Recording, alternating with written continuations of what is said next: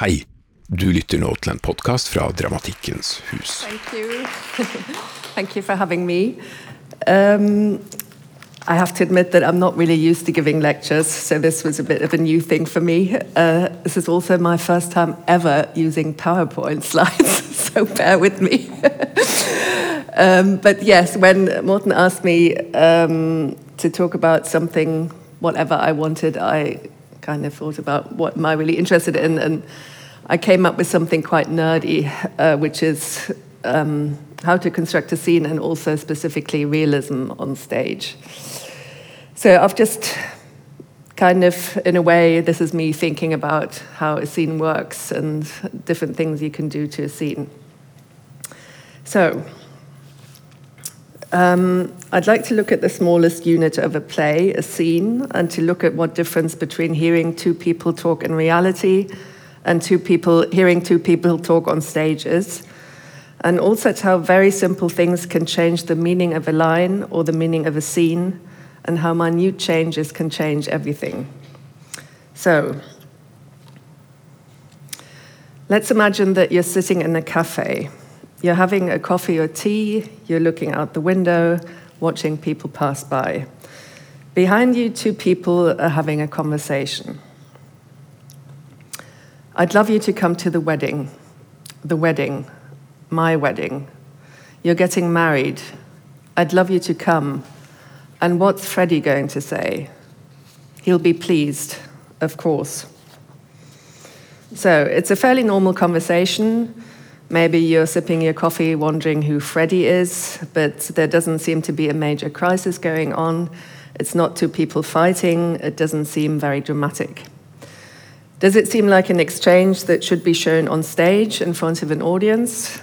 That's probably not your first thought. But now imagine that you're taking this exchange and putting it in a play.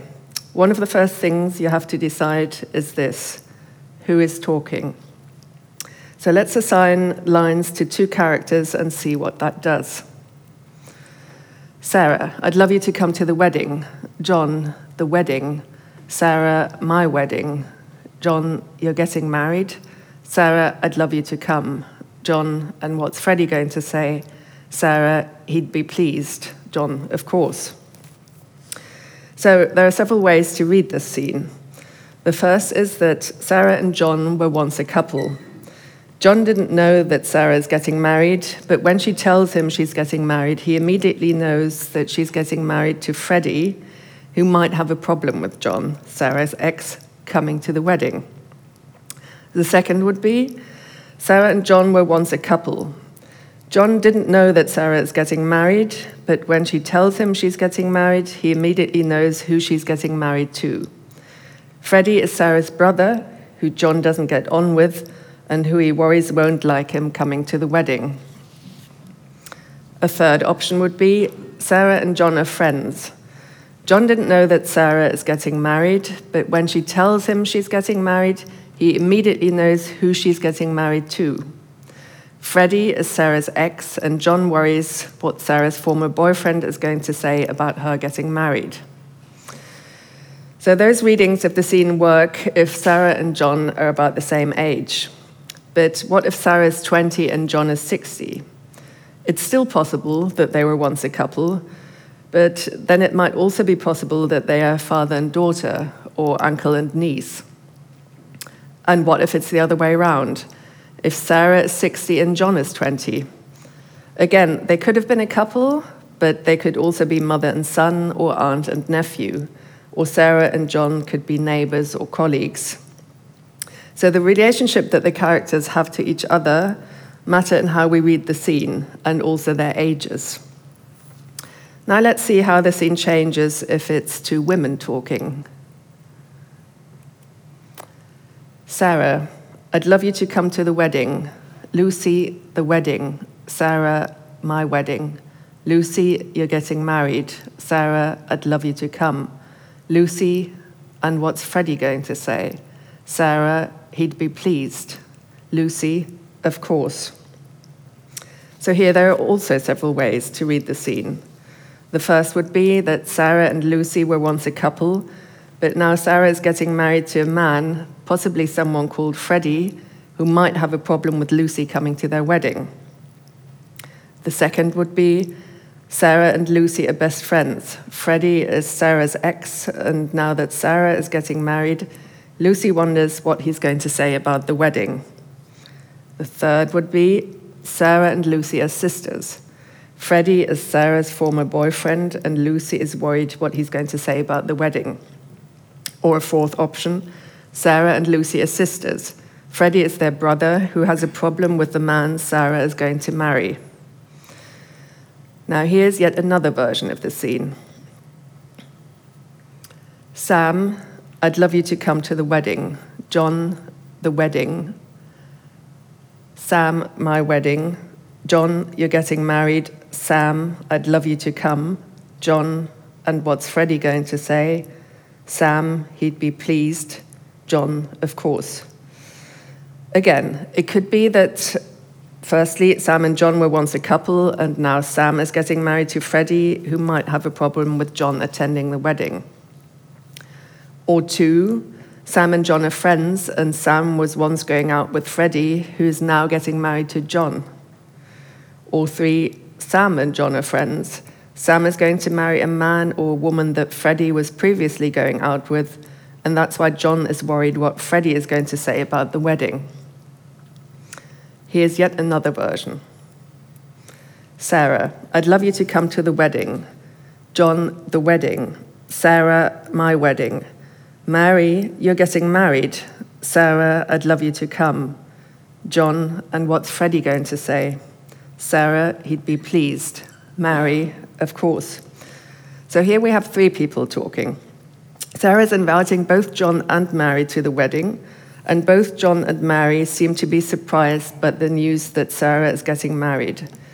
It's unclear if John and Mary are friends of Sarah's, or depending on how old they are, it could also be possible that John and Mary are Sarah's parents or even grandparents. So let's look at one more version where we have three people in the scene, but only two of them are talking. So we have on stage Sarah, John, and Isabella. Sarah, I'd love you to come to the wedding. John, the wedding. Sarah, my wedding. John, you're getting married. Sarah, I'd love you to come. John, and what's Freddie going to say? Sarah, he'd be pleased. John, of course. So in this version, Isabella is a silent observer to the scene. So Sarah and John are talking in front of an audience. Isabella could, for example, be a friend of Sarah's, or she could be John's girlfriend. And why isn't Isabella saying anything? Is she shy, angry? Does the fact that she's there mean that Sarah and John would talk differently than if she wasn't there? Is Sarah perhaps inviting John to the wedding only to make a point in front of Isabella to show John's new girlfriend that she's moved on? Or does she say it because she's jealous when she sees John and Isabella together and therefore brings up the topic of the wedding? Now let's go back to the version with just John and Sarah and see what happens if we put in some punctuation. So, Sarah, I'd love you to come to the wedding. John, the wedding. Sarah, my wedding. John, you're getting married. Sarah, I'd love you to come. John, and what's Freddie going to say? Sarah, he'd be pleased. John, of course. So, what the punctuation does here, it signals the emotion of the characters. Sarah is excited about the wedding, maybe a bit overexcited. John seems to be surprised. He doesn't know Sarah is getting married. He has some questions, but in the end, he agrees to come, and there doesn't seem to be a major problem.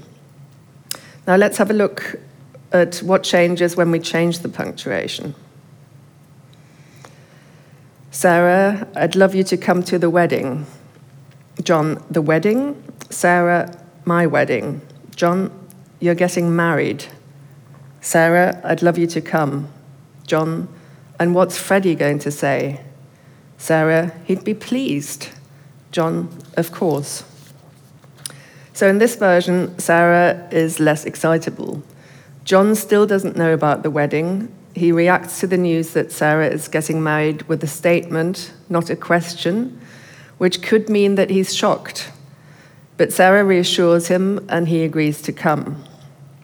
Now, let's see what changes if we put a pause into the scene. So, pause. Sarah, I'd love you to come to the wedding. John, the wedding. Sarah, my wedding. John, you're getting married. Sarah, I'd love you to come. John, and what's Freddie going to say? Sarah, he'd be pleased. John, of course. So, the fact that the scene starts with a pause implies that there seems to be some tension between John and Sarah. It might be difficult for Sarah to broach the subject of the wedding because she's guessing that John might react to the news in a bad manner. Or the pause could also mean that neither of them knows what to say, since they used to be a couple and now it's difficult for the two of them to talk. Or maybe they haven't seen each other for a while. Now, let's see what happens when we put the pause in a different place. Sarah, I'd love you to come to the wedding. John, the wedding. Sarah, my wedding. Pause. John, you're getting married. Sarah, I'd love you to come. John, and what's Freddie going to say?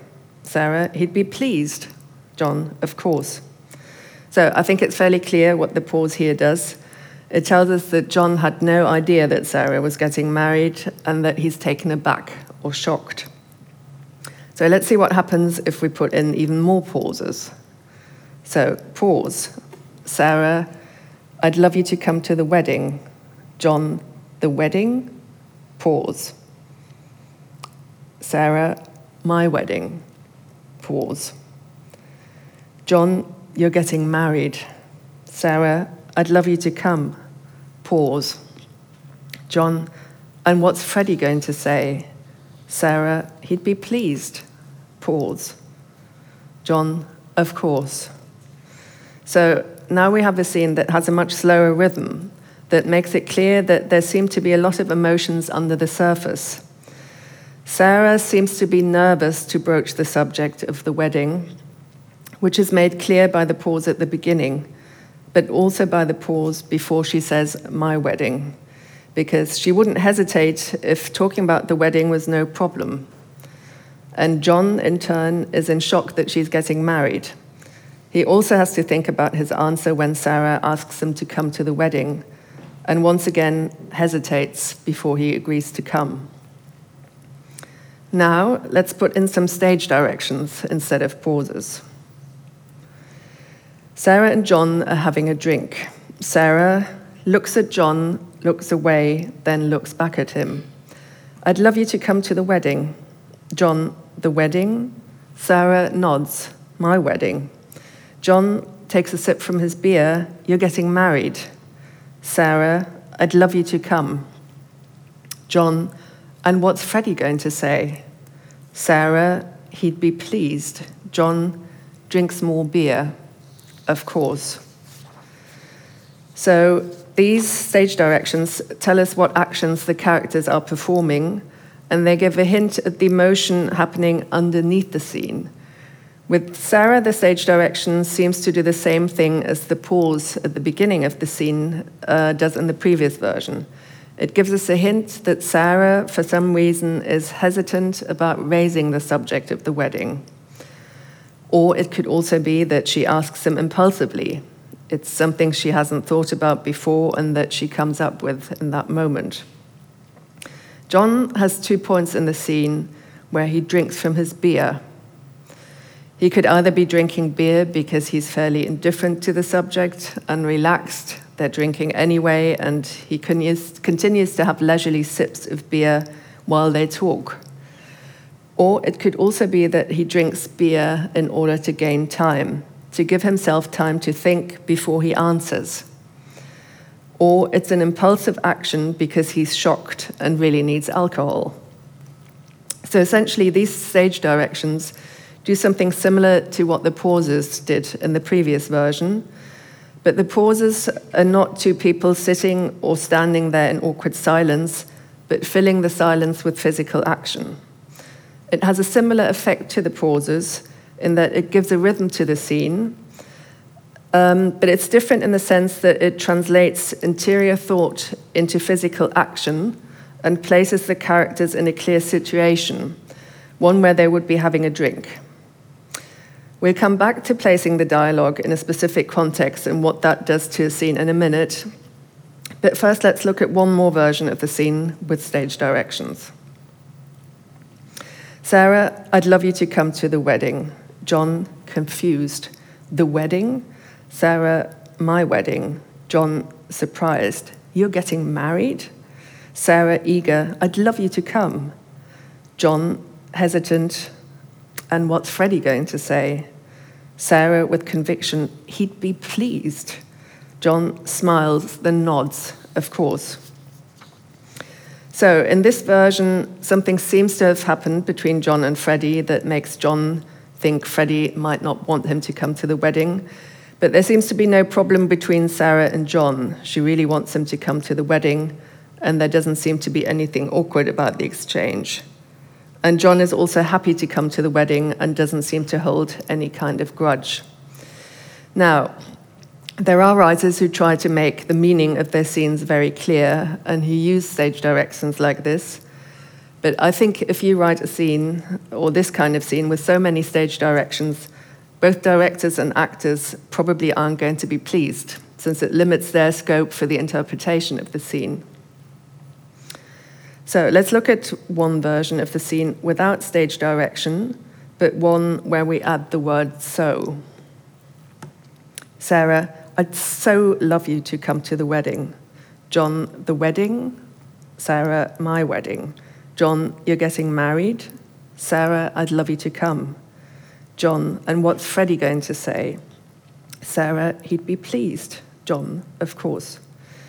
So in this version, Sarah puts more emphasis on the fact that she'd like John to come to the wedding. So we sense that it's very important to her and she wants John to know this. But the scene isn't radically different from the scene without the so. But let's happen, look at what happens if you put more than one so in the scene. Sarah, I'd so love you to come to the wedding. John, the wedding.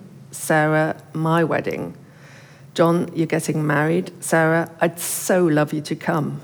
John, and what's Freddie going to say? Sarah, he'd be so pleased. John, of course. So here the so does what the stage directions do in the previous scene. They show that Sarah is really excited about the wedding and possibly a bit nervous since she keeps using the word so for emphasis. It could, of course, also be a verbal tic that she always uses a lot of so's in everything she says, like a kind of catchphrase. It's also perhaps a version that feels slightly more theatery in feel than the other version because the repetition of the word so makes it slightly unnatural or unrealistic. So it's also quite interesting to see what a change of pronoun does to the scene. Sarah, we'd love you to come to our wedding. John, the wedding. Sarah, our wedding. John, you're getting married. Sarah, we'd love you to come. John, and what's Freddie going to say? Sarah, we'd be pleased. John, of course. So here, Sarah makes a point of stressing that she's part of a unit she doesn't seem to exist as a singular I, only as a plural we. Again, this might be slightly theatrical because it's a slight overuse of the word we. It almost seems to make Sarah into a bit of a caricature, so the effect might be comical. So, in both those versions, the addition of the so and the exchange of the we has the effect of moving the scene slightly away from a realistic conversation. Now, let's look at the scene to see if stressing certain words make a makes a difference. Sarah, I'd love you to come to the wedding. John, the wedding. Sarah, my wedding. John, you're getting married? Sarah, I'd love you to come. John, and what's Freddie going to say? Sarah, he'd be pleased. John, of course. So, in this version, the fact that John is putting emphasis on certain words seems to imply, in the first case, that he's shocked that Sarah is getting married. He seems to have a high degree of emotion concerning Freddie, since he's stressing his name. The fact that he's also stressing, of course, seems to imply that he might be being sarcastic.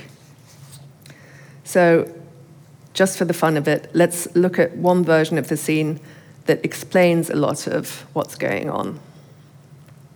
Sarah, I'd love you to come to our wedding. John, your wedding. Sarah, mine and Freddie's wedding. John, you're getting married?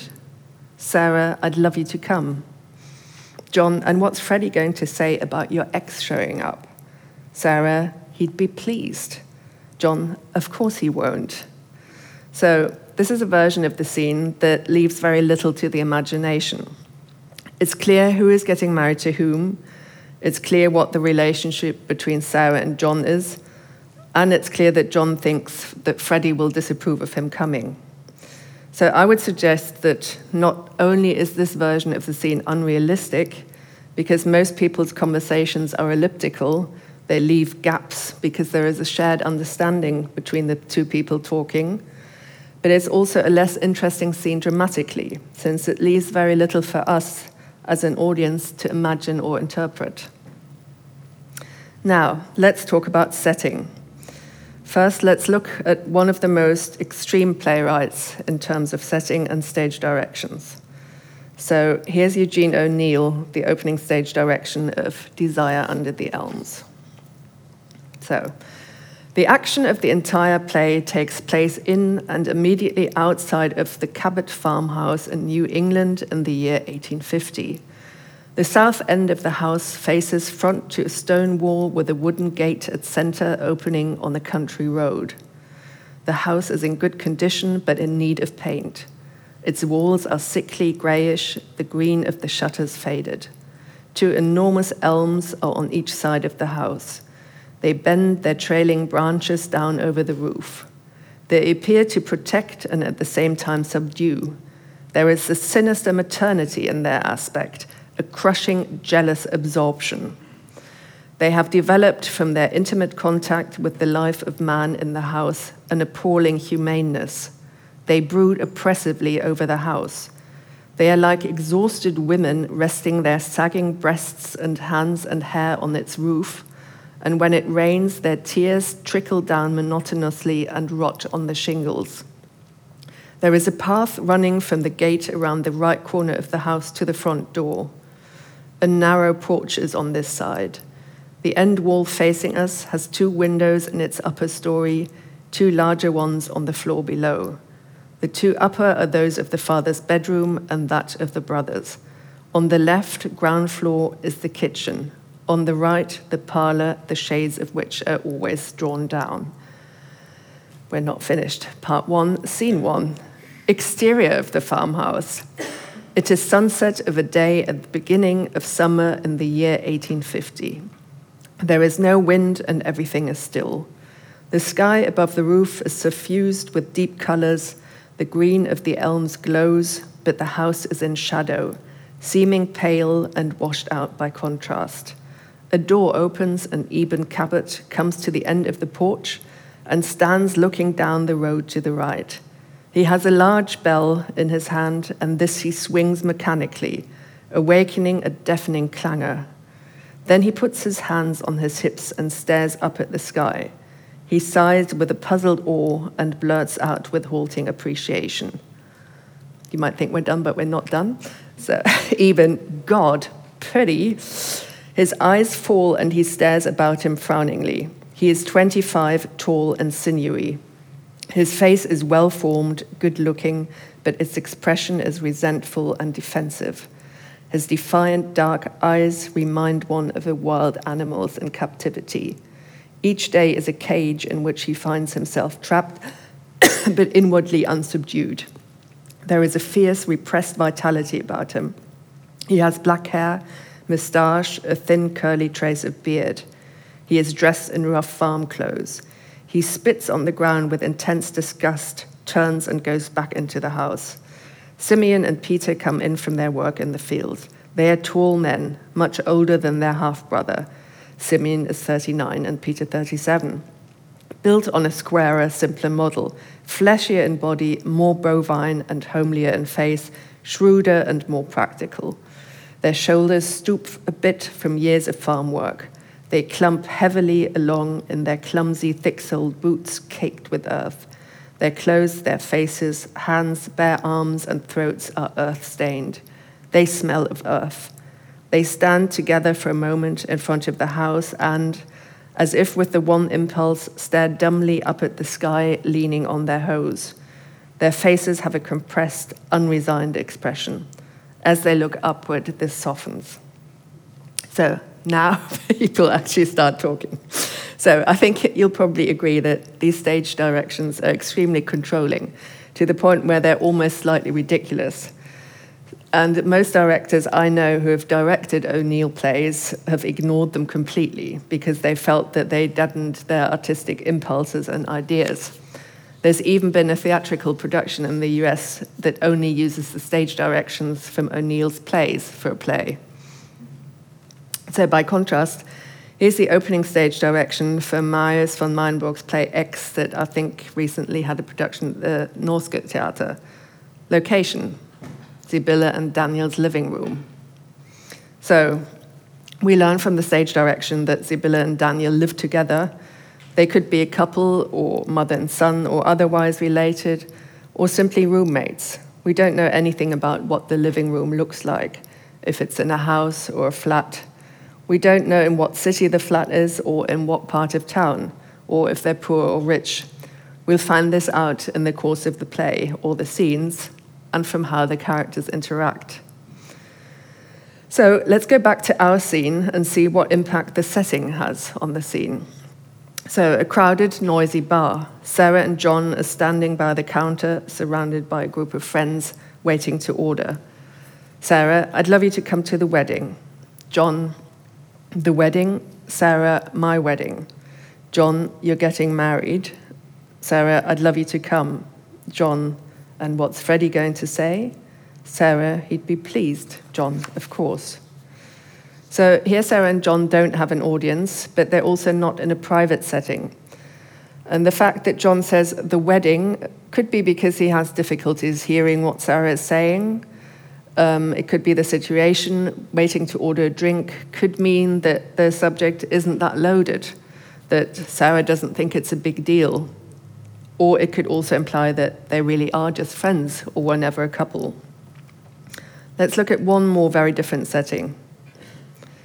Molly's flat. Molly, Molly's husband Andrew, Sarah and her fiance Freddie, Sarah's ex John, and his new girlfriend Beth are sitting around a large dining table. Empty plates, lots of bottles of wine and glasses, both full and empty. Molly is trying to clear some of the serving plates from the table. Freddie gets up to help her, and they disappear into the kitchen. Andrew and Beth are talking. Sarah gets up and sits down on the chair next to John. A quiet conversation. Sarah, I'd love you to come to the wedding. John, the wedding. Sarah, my wedding. John, you're getting married. Sarah, I'd love you to come. John, and what's Freddie going to say? Sarah, he'd be pleased. John, of course. So here, Sarah and John are having a private conversation. It's a deliberate choice by Sarah to have the conversation when other people aren't listening. Maybe because she doesn't want to tell John in front of everyone else that she and Freddie are getting married. And she clearly doesn't want Freddie to be there either, suggesting that John is either correct in assuming that Freddie doesn't want him at the wedding. There still seems to be a bond between the two exes that they're keen not to make too obvious in front of their current partners. Now, here's one more version of the scene. John is talking on the phone, nervously pacing back and forth. John, the wedding? He listens. You're getting married? He listens. And what's Freddie going to say? He listens, of course. This, if we know nothing about who John is talking to, is a scene that's difficult to interpret. The fact that John is pacing nervously is a hint that the subject is somehow emotional, that he's receiving news that is somehow upsetting. Now, to finish with, let's take the exchange as one person speaking. Sarah, I'd love you to come to the wedding. The wedding, my wedding. You're getting married. I'd love you to come. And what's Freddie going to say? He'd be pleased, of course. So let's assume Sarah is the one getting married. Let's assume she's speaking to herself before she's run into John. She's imagining how the conversation might go, rehearsing it before it takes place because she's nervous. Or, if she's speaking it after the conversation, she's repeating it, reliving the exchange, presumably because it didn't go well or as well as she'd hoped. She could also be saying the lines not to herself, but addressing them to someone, to the audience, or to a friend to report on what happened in her conversation with John. So, why have I taken you through these many variations of one scene? Um, it's because I believe that there is value in examining minute exchanges between characters, that in a scene on stage, every detail matters. When you're writing a scene, you're constantly making small decisions that influence what the scene is going to be like. Our psychology and our relationships influence how characters speak, and where a scene is set changes the meaning. And as I've tried to show, a pause and even punctuation can be important. Now, the same kinds of decisions apply when you're writing the play as a whole. And then again, it also applies when the play is produced who is acting in the play, who is directing the play, or what the set is like, influences what the play is going to look like and what its meaning is. And if you're putting a play on a studio space or the main stage matters. If it's an off theatre or the National Theatre, it changes matters. Not only tiny decisions the playwrights take create meaning, but also the decision of everyone else producing the play and the context of where it is being produced have meaning. Now, I live and work in Germany, which is a country where realism on stage or realistic writing has fallen largely out of fashion. We're a theatre culture where the post dramatic play plays a large role. The abandonment of character, of scenes, even often of dialogue in favour of blocks of text is dominant. To a large degree, this is because German theatre is director led. So, a lot of German directors made a name for themselves by destroying the classics, by taking them apart into fragments, by adding other texts to them. The director, to some extent, took over the role of the writer. There was a whole phase in German theatre, especially in the 80s and 90s, where not that many German playwrights were being produced. Now, largely due to the influence of writers like Elfriede Jelinek, we have a whole generation of playwrights who write plays that deliberately leave space for the director to shape it, to cut text, to assign lines to the actors. You could also make an argument that the dominance of the post dramatic form today is linked to German theatre coming from a tradition of Lessing, Goethe, and Schiller, who established that theatre is a place for edification and education things that aren't immediately accessible or that appear to be intellectual are highly rated, at least in the state funded theatre. Interestingly, German theatre does produce some plays with characters and scenes, but those plays tend to come from other countries, mainly from the UK or from the US, countries where theatre comes from a tradition of entertainment and there's often a filter of translation or of a foreign setting of a different cultural context in those productions. So, why is it interesting to put a scene on stage where people actually talk the way they talk in real life? Sometimes people think that writing scenes that mirror conversations people have in reality requires no craft, that it's artless. But as I've attempted to show, there is a high degree of thought and decision making involved in this process. Even if, theoretically, you take a dialogue from real life, as we've done today, or as I should say, we've pretended to do today, because of course I wasn't sitting in a cafe, I made the scene up as an approximation, of what you might theoretically hear if you were sitting in a cafe trying to eavesdrop on someone else's conversation. You still need to take a series of decisions and shape the text in order for it to become a piece of theatre.